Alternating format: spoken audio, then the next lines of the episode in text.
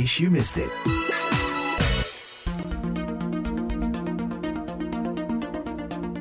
Dari VOA di Washington DC, kali ini bersama saya Dania Iman. In case you missed it, data dari Kementerian Lingkungan Hidup dan Kesehatan Indonesia menunjukkan jumlah sampah nasional tahun 2020 mencapai 67,8 juta ton limbah medis khususnya mengalami peningkatan di tengah pandemi ini. Data yang diperoleh dari Lembaga Ilmu Pengetahuan Indonesia atau LIPI menyatakan jumlah limbah medis yang termasuk sampah medis seperti masker, alat pelindung diri, selang infus, botol, serta kemasan obat dan sebagainya telah melebihi 1.600 ton.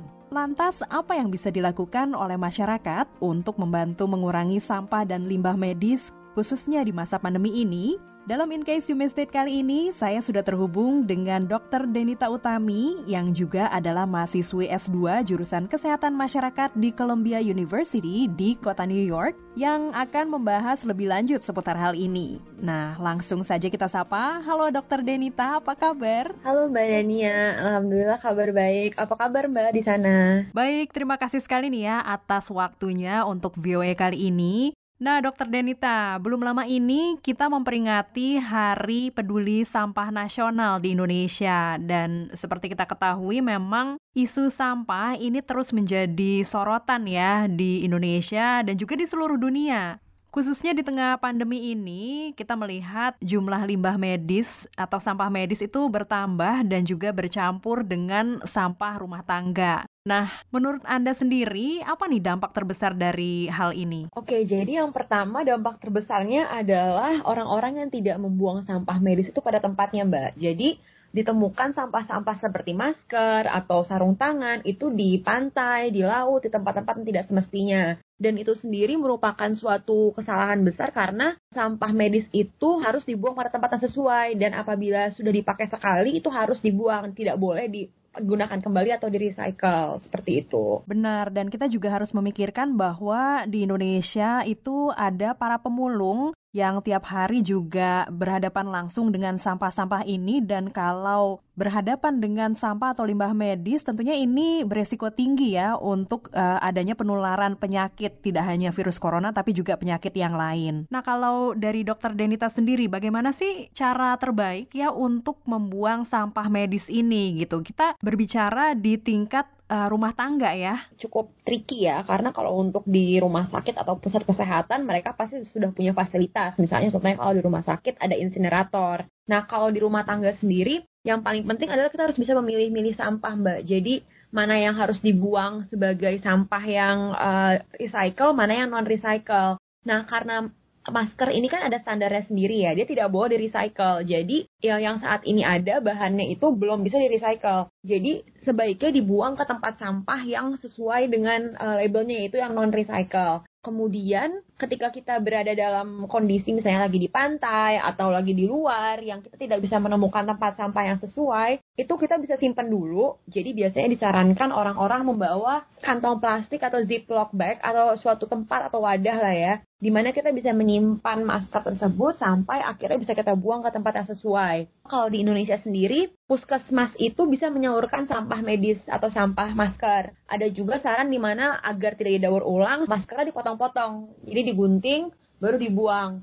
Nah, dengan cara itu kan jadi semakin sulit untuk orang-orang recycle dan juga kalau kita buang sampahnya ke puskesmas atau pusat kesehatan, mereka punya fasilitas yang sesuai untuk membuang sampah tersebut. Kurang lebih seperti itu sih, Mbak. Jadi yang penting kita tahu tempatnya, tahu tempat pembuangannya, dan juga um, lebih berhati-hati aja kalau misalnya berada di luar kita harus lebih prepare aja dengan menyimpan dulu sampai menemukan tempat sampah yang sesuai.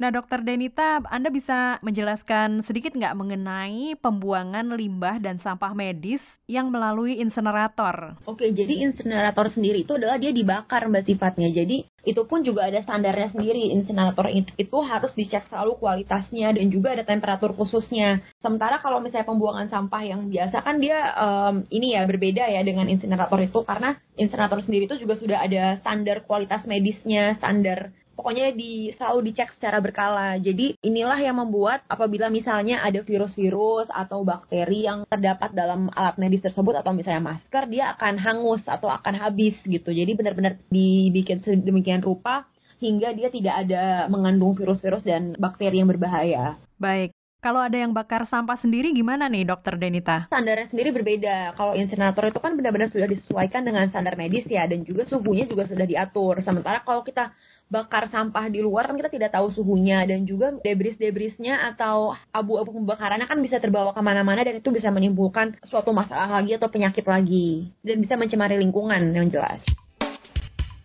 Ingin tahu berita menarik, terkini, dan terpercaya? Ikuti kami di Instagram at Indonesia.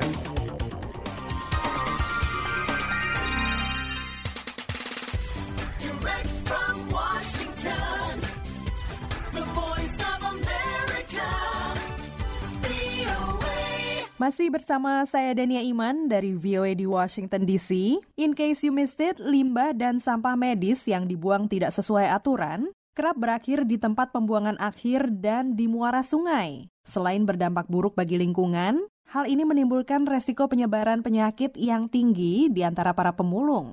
Hasil temuan Lembaga Ilmu Pengetahuan Indonesia atau LIPI mengatakan sekitar 46 hingga 57 persen sampah plastik pada masa pandemi ditemukan berakhir di muara sungai.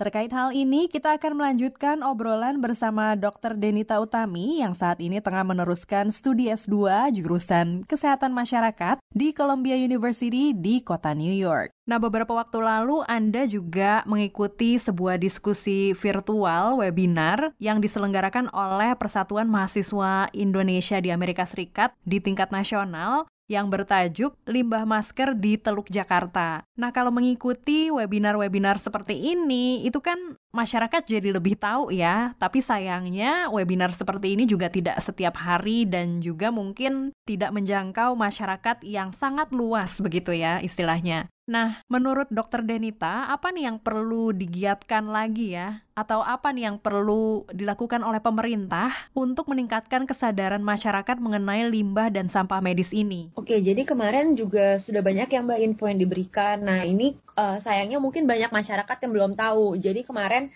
uh, pada saat presentasi saya cerita sedikit tentang kalau di Taiwan itu mereka juga selain ada pemberitahuan tentang pemakaian masker, mereka juga ada pemberitahuan tentang cara pembuangan masker.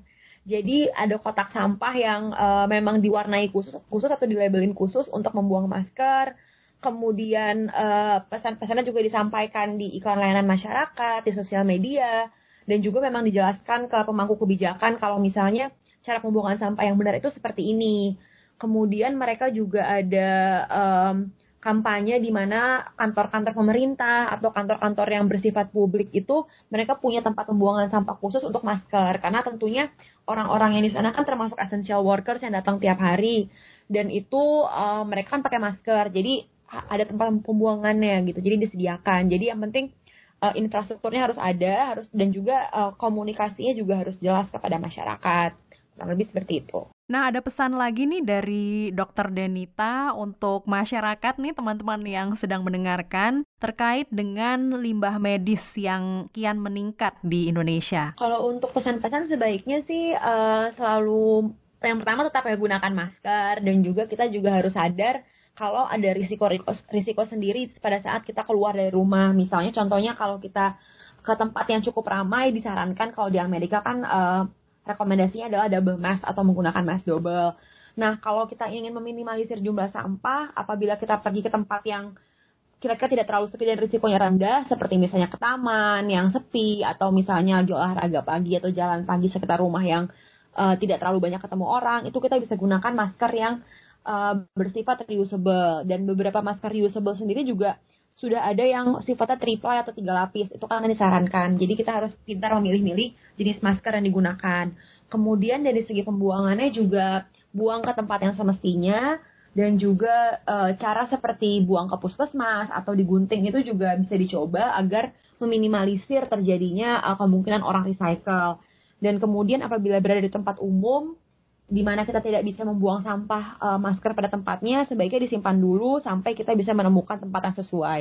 Karena kalau kita lihat ya Mbak, uh, kemarin juga saya sempat presentasi, itu uh, banyak sekali sampah-sampah masker itu masuk ke dalam uh, sungai, ke dalam laut, ke pantai, dan itu bisa merusak biota laut dan juga plastik-plastik uh, itu bisa kemakan oleh hewan-hewan yang berada di laut.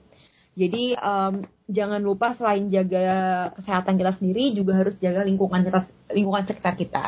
Baik, terima kasih sekali Dokter Denita atas waktunya dan wawancaranya kali ini. Semoga sukses selalu untuk Anda ya. Sama-sama Mbak, salam sehat, sehat selalu ya Mbak. Terima kasih. Dan seperti biasa, in case you missed it, bisa Anda simak kembali melalui berbagai layanan streaming favorit Anda. Dan tidak ketinggalan, jangan lupa untuk mengikuti terus berbagai liputan terbaru dari Vio Indonesia, tentunya melalui website kami di www.voindonesia.com. Juga follow akun media sosial kami di Facebook, Twitter, dan Instagram, dan juga channel YouTube dengan kata kunci VOA Indonesia. Sekian dulu in case you missed it kali ini. Saya Dania Iman melaporkan dari VOA di Washington DC.